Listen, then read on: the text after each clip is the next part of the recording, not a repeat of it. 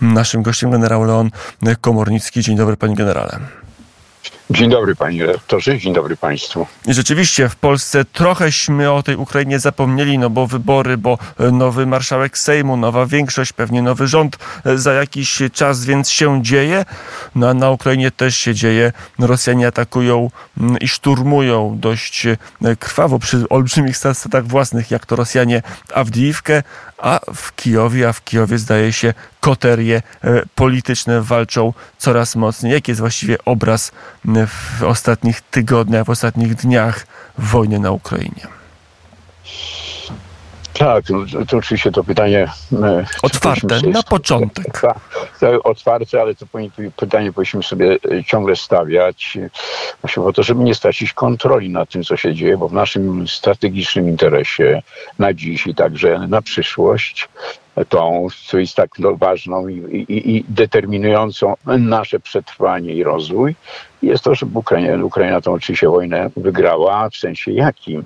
W sensie wyzwolenia tych terenów, które okupuje armia rosyjska, łącznie z Krymem, odbudowała swoje terytorium takie w granicach przed 2014 roku. To jest w naszym strategicznym interesie, można powiedzieć, racją stanu, bo be, bezpieczna Ukraina który będzie zagwarantowany rozwój, także rozwój pokojowy, pokojowy, będąca w NATO i jest w naszym interesie. Interesie także europejskiego bezpieczeństwa. I my powinniśmy w dalszym ciągu, w dalszym ciągu, powtarzam, odgrywać tutaj jako sąsiad, jako ten, to państwo, które jest na wschodniej flance NATO, wiodącą rolę i, na, i tej przestrzeni nadawać odpowiedni tutaj poziom e, percepcji na trwającą wojnę, żeby tą, tą percepcję także kształtować u naszych sojuszników. To jest naszym obowiązkiem świętym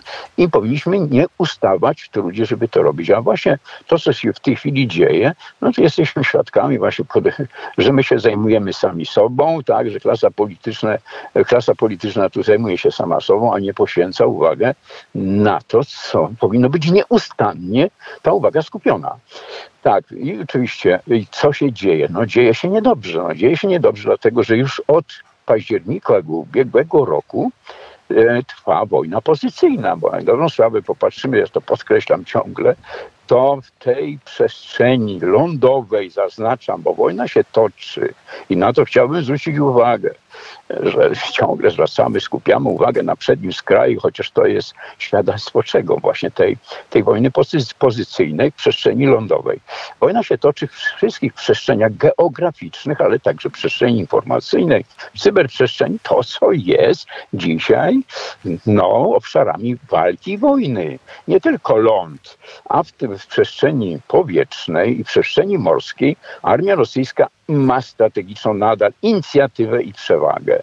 W związku z tym oddziałuje na teren i nie tylko całej Ukrainy może oddziaływać bezkarnie, chociaż bezkarnie no nie do końca, bo oczywiście jakieś tam rakiety są zestrzeliwane i tak dalej, ale nie ma Ukraina zdolności budowania własnej przewagi w przestrzeni powietrznej, bo w dalszym ciągu nie ma rakiet dalekiego zasięgu atakam z tych ilościach, które by gwarantowały budowanie chociażby równowagi. Nie ma nadal samolotów F-16 czy wielozadaniowych, które by odcinały wraz z tymi systemami atakams dopływ świeżych sił, odwodów, logistycznego wsparcia, zasobów ludzkich armii rosyjskiej, armii rosyjskiej, która walczy na Ukrainie, a to jest fundamentalna zasada wygaszania wojny, osłabiania rosyjskiej armii walczącej na Ukrainie. Odcięcie to jest kluczowe strategiczne zadanie, a ukraińska armia tych zdolności nie ma. I na lądzie, jak widzimy, trwa właśnie to, co powiedziałem, w tej przestrzeni lądowej wojna pozycyjna ma charakter, te walki mają charakter obronno-zaczepny. Żadnej kontrofensywy tutaj nie było. To była iluzja, to często podkreślam. I w związku z tym te działania obronno-zaczepne, pozycyjne, przy niewielkich zdobyczach terenowych obu stron, w granicach 1% terytorium, które okupuje armia dzisiaj rosyjska. Nie, nie tak, że nie, w którym nie uzyskano żadnych zdobyczy istotnych z punktu widzenia strategicznych punktów, węzłów, miejscowości i tak. Do tej pory tego nie uczyniono, a tym węzłem chociażby jest Tokmak, który jest póki co jeszcze kawałek drogi od tego styku walk, które są toczone w tej chwili na tym głównym kierunku od Orichowa, właśnie w kierunku Tokmaku. Ukraińska armia jeszcze tam nie, nie opanowała przecież tego węzła. Więc i te działania są na rękę Rosji, bowiem Rosja w tej chwili, czy armia rosyjska, realizując cel polityczny, stawia sobie jakie zadanie? Wykrwawić, wyniszczać armię ukraińską w wymiarze lądowym, tak żeby pozbawić ją jakichkolwiek zdolności do działań ofensywnych i także do działań obronnych. Czyli doprowadzić do czego? Do kapitulacji, do zamrożenia tej wojny na zajmowanych rubieżach, a że armia rosyjska ma w dalszym ciągu nie, niewyczerpane odwody strategiczne, które w tej chwili osiągają swoją zdolność w granicach 150-200 tysięcy żołnierzy wyposażanych w technikę, zgrywanych i tak w głębi Rosji. Mogą być one użyte kiedy? No kiedy właśnie armia ukraińska zostanie pozbawiona w wyniku tych działań pozycyjnych zdolności i obronnych i zaczepnych. I to może nastąpić użycie tych odwodów kiedy? No w przyszłym roku, tak? Ale z drugiej strony armia rosyjska, to też trzeba zauważyć, buduje w tej chwili swoje zdolności antydostępowe w kontekście czego? No tego, że F-16 właśnie i te rakiety Atakams, które będą mogły oddziaływać na terytorium Rosji, ale też właśnie wzbraniać podejście odwodów, tam świeżych sił, zasobów armii rosyjskiej, z, armii rosyjskiej z terenu Rosji, buduje strefę taką, będzie, buduje w tej chwili już strefę antydostępową, ściągając, wykonując taki swoisty manewr strategiczny, z obszarów innych systemy chociażby S-400, systemy przeciwrakietowe i inne systemy i buduje taką wzdłuż granicy Ukrainy strefę dostępową w głąb Rosji. Jak widzimy, panie redaktorze, szanowni państwo, coraz rzadziej już drony e, ukraińskie, chociaż są e, wyszczeliwane, czy też e, wypuszczane na terytorium Rosji docierają do celu, są zestrzeliwane. Czyli te zdolności Rosja buduje i mojej oceny z początku roku będą, te, armia rosyjska będzie te zdolności posiadała, żeby się przeciwstawić e, temu, co się ma pojawić w przestrzeni powietrznej, a więc F-16, czy też większej ilości rakiet Atakams i tak dalej, i tak dalej. Także to wszystko trzeba widzieć, a oceniać najbardziej można efektywność tych walk i potrzeby armii ukraińskiej gdzie? Nie w gabinetach, nie na spotkaniach, nie w rozważaniach, mediach, a na przednim skraju i tam najlepiej to odczuwa, co mu brakuje i, i jak to wszystko wygląda, żołnierz ukraiński, bo on, chciałbym to zauważyć, dźwiga ciężar tej całej odpowiedzialności wykonawczej, której, przed którym kontekście tych zadań, które mu stawia naczelny dowódca armii ukraińskiej, a która realizuje cele polityczne i oczekiwania przywódców ukraińskich, ale też zachodniego świata. Także to jest ważne. A dzisiaj ten zachodni świat, zachodni świat, no nie za bardzo spieszy z pomocą, bo jak wiemy jest problem z uchwaleniem tej pomocy finansowej w Kongresie Amerykańskim. Nie, nie przegłosowano tego, mimo że dzisiaj jest sekretarz mm, obrony Stanów Zjednoczonych w Kijowie. Oczywiście deklaruje tu w dalszym ciągu nieustanną pomoc niesłabnącą Ukrainie w walce z Rosją i osiągnięcia swoich celów politycznych. No ale jak dobrze wiemy, to przecież to jest prawda nie dzisiaj znana, że chęciami, deklaracjami nie tylko piekło jest wybrukowane. Właśnie najbardziej to jest, jak ta pomoc wygląda, jak ta pomoc jest efektywna, to widać na przednim, no właśnie na przednim skraju.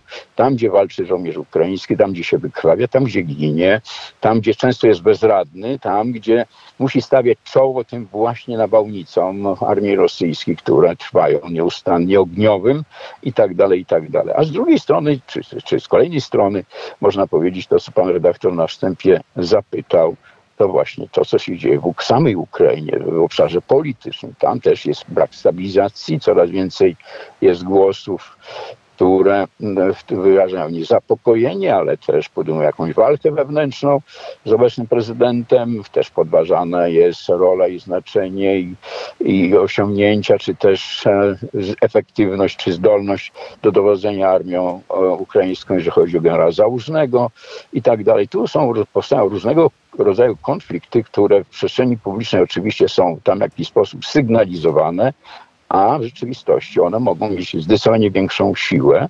A w społeczeństwie ukraińskim co się dzieje? No tak, że ono jest coraz bardziej rozdrażnione, coraz bardziej zaniepokojone braniem, brakiem sukcesów na, na froncie.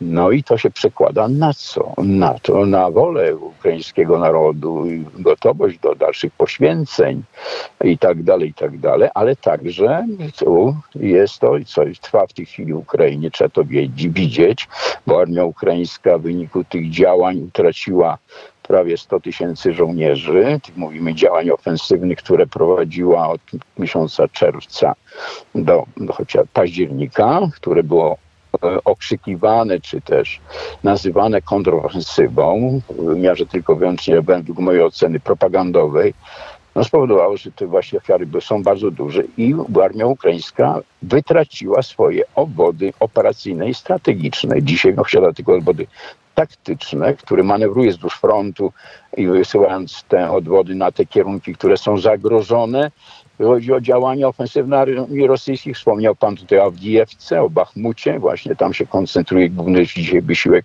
armii rosyjskiej ofensywny. No i te odwody są tam wykorzystywane. I trzeba teraz te odwody strategiczne i operacyjne otworzyć poprzez co?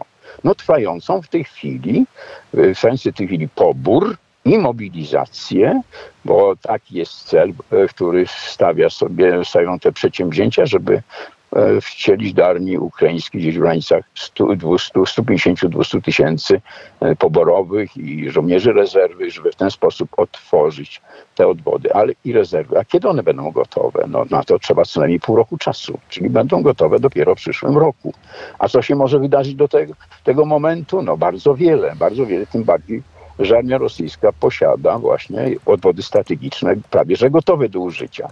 No to są i jeszcze co do te, te odwody, panie redaktorze, szanowni państwo, trzeba wyposażyć w technikę. Jaką? Którą? Zachodu. Ona musi być dostarczana w sposób ciągły, rosnący, bo te potrzeby rosną w ramach trwania tej wojny nie maleją. Jeżeli się ma prowadzić działania ofensywne wyzwalać tereny okupowane, tak? I taki sposób, żeby one zapewniły ciągłość działań. Działania ofensywne nie mogą się zatrzymywać.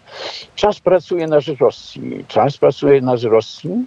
Zbliża się zima, więc to też jest kolejny problem, jeśli chodzi o społeczeństwo ukraińskie, bowiem Rosja przygotowuje się według mojej oceny do wykonania zmasowanych uderzeń powietrznych, rakietowych na infrastrukturę krytyczną, na przemysłową, także obronną i, tak, i oczywiście obiekty cywilne, po to, żeby to społeczeństwo nękać, żeby budować stan beznadziei i osłabiać wolę i gotowość do obrony Ukrainy. A więc trzeba się mobilizować, trzeba to widzieć, trzeba wstawać silniej w tej całej przestrzeni w interesie Ukrainy, ale z drugiej też strony apelować do Ukraińców, do przywódców ukraińskich, żeby wykonywali to, co ma charakter y, mobilizujących nas, a nie destrukcyjny, chociażby, chociażby problemy na przejściach granicznych, które dzisiaj mają miejsce i tak dalej, jakieś y, tego różnego. Wypowiedzi też nie do końca przyjazne wobec Polski i tak dalej, i tak dalej. No to jest wszystko na rzecz Rosji, nie na rzecz tego, żeby budować właśnie wspólną siłę, wspólne działania, a z drugiej strony my musimy robić wszystko, żeby nie doszło do poróżnienia, co jest bardzo istotne, narodu polskiego, ukraińskiego. To by była katastrofa. Mm, to jeszcze, panie generale, dopytam jako no, do oficera z doświadczeniem. No, wiele osób wskazuje właśnie na taki element ewentualnych e, konfliktów albo kom, no, sporu kompetencyjnego między generałem Załużnym a e, prezydentem tak. Zełęńskim. E, na ile jest tak, że generał Załużny może mieć ambicje e, polityczne? Jak to może wyglądać? No to, to jest też z kolei bardzo ważne pytanie, panie redaktorze. No, oczywiście generał Załużny wyrósł no, w oczach społeczeństwa narodu ukraińskiego na bohatera narodowego. No i w mojej ocenie, jak to bywa zresztą tam, w tym, tym kotle politycznym, no, stał się jakiś swoistym, e, może zbyt przesadnie interpretowany przez władze polityczne Ukrainy, rywalem prezydenta Zelenskiego, właśnie o, o schedę czy o stanowisko prezydenta. No, zbliżają się wybory, to one zostały też w jakiś dziwny sposób tutaj skonfigurowane sposób dla mnie no, nieczytelny do końca, bo trwa przecież stan, stan wojenny, nie stan wojny, bo to też jest ciekawa rzecz, że w Ukrainie nie został ogłoszony stan wojny, tylko stan wojenny. Także, no, a który ma być wygaszony gdzieś w połowie lutego, a na początku marca mają być wybory. No więc pytanie pojawia się, w jaki sposób prowadzić kampanię wyborczą, no i kto, kto tam wystartuje w tym wszystkim. Ale z drugiej strony, panie redaktorze, no w mojej ocenie trwa też poszukiwanie winnych za niepowodzenia tej właśnie tak zwanej kontrofensywy. W mojej ocenie ona została w głównej mierze e, spowodowane naciskiem politycznym, bo generał Załużny jako żołnierz w mojej ocenie, w mojej ocenie no nie, nie trudno, żeby nie zauważył, że ta kontrofensywa nie ma szans powodzenia w takim wymiarze, żeby zrealizować postawione cele polityczne, pobić armię rosyjską i wyzwolić okupowane terytorium i że dobrze też w mojej ocenie przewidywał, że będą straty wyjątkowo duże. No i tak się stało. No i teraz wiadomo, że kto patrzy na, na teraz, żeby szukać winnego? Oczywiście na głównodowodzącego. I właśnie to spojrzenie nie tylko kieruje się na Gierona Załużnego.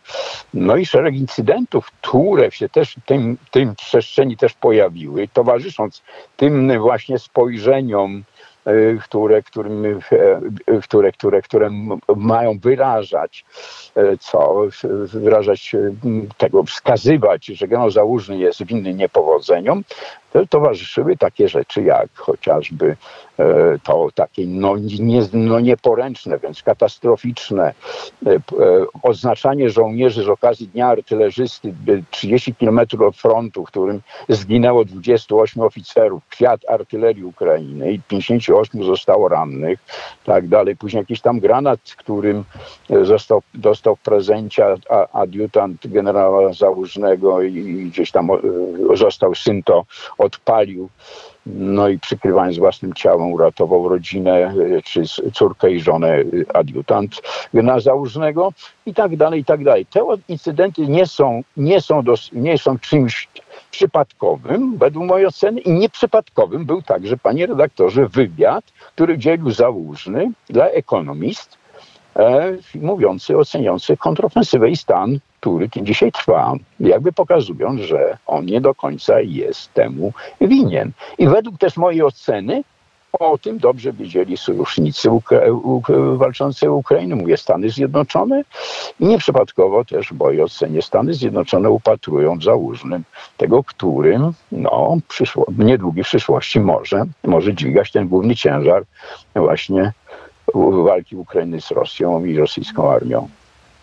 To już na koniec, panie generale, pytanie o to, pan generał bardzo tak to się E, no, to jest kwestia istotna, żeby nie doprowadzić do poróżnienia między e, Polską a Ukrainą, Polakami a Ukraińcami. E, tak jest. Jesteśmy w momencie trudnym dla każdej demokracji, w momencie tranzycji władzy. Gdzie by pan generał za zakreślił taką linię nieprzekraczalną dla nowej władzy, jak, jak spowodować, żeby utrzymać ten sojusz i, i żeby on był cały czas w miarę stabilny.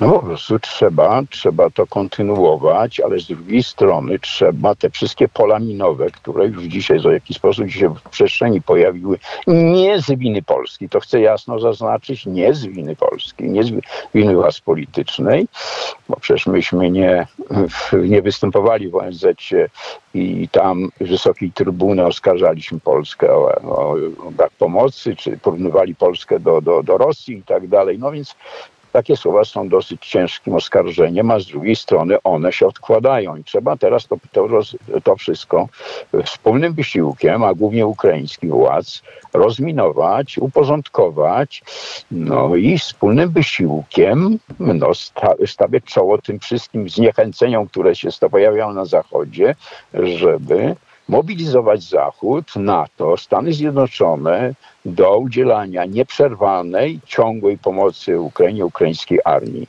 i ukraińskiemu społeczeństwu także i tak dalej. To wszystko jest ważne, bo Ukraina jest całkowicie zdana na pomoc Zachodu. A w naszym interesie, powtarzam jeszcze raz, strategicznym, żeby o to zadbać, że ta pomoc właśnie w taki sposób przebiegała, nie kropelkowy, a ciągły, rosnący. I kolejna rzecz, żeby troszczyć się o własne bezpieczeństwo, nie podważać programu modernizacji sił zbrojnych, przezbrajania. Oczywiście one może wymagają jakichś tam korekty, zresztą jak sądzę zawsze tak było, to nie jest niczego, nic zdrożnego czy nie, nie tego, ale nie dzisiaj nie rozpoczynać od tego, że krytykować wszystko czy podważać, włącznie z liczebnością sił zbrojnych zaproponowanych w ustawie o obronie ojczyzny, a trzeba poświęcić uwagę na tym, co jest najistotniejsze, a więc najpierw budować, utrwalić właściwą doktrynę obrony państwa, przekonać do tego sojuszników, przekonać do tego właśnie sąsiadów, mówimy tutaj właśnie o Ukrainie i tak dalej, budowania pewnych wysiłków, no i też budować i umacniać sojusz z Stanami Zjednoczonymi jako głównego gwaranta naszego bezpieczeństwa. To jest naszą racją stanu, bowiem siły zbrojne Rzeczpospolitej są oczywiście ważnym elementem, ale My musimy zbudować dostateczną wystarczalność obronną, która wyraża się poprzez co? Potencjał obronny państwa, którym siły zbrojne stanowią tylko element. Więc cały potencjał ma być gotowy do odstraszania, do powstrzymywania i jak dojdzie do, do, do tego, żeby stanąć w obronie ojczyzny, żeby z całym potencjałem do tej obrony stanąć, właśnie z sojusznikami, e, zgodnie z naszą doktryną, racją, na, racją stanu. Tak mówił generał Leon Komornicki. Panie generale, dziękuję bardzo za rozmowę i do usłyszenia. Dziękuję bardzo, panie doktorze. Pozdrawiam. Dobrego dnia.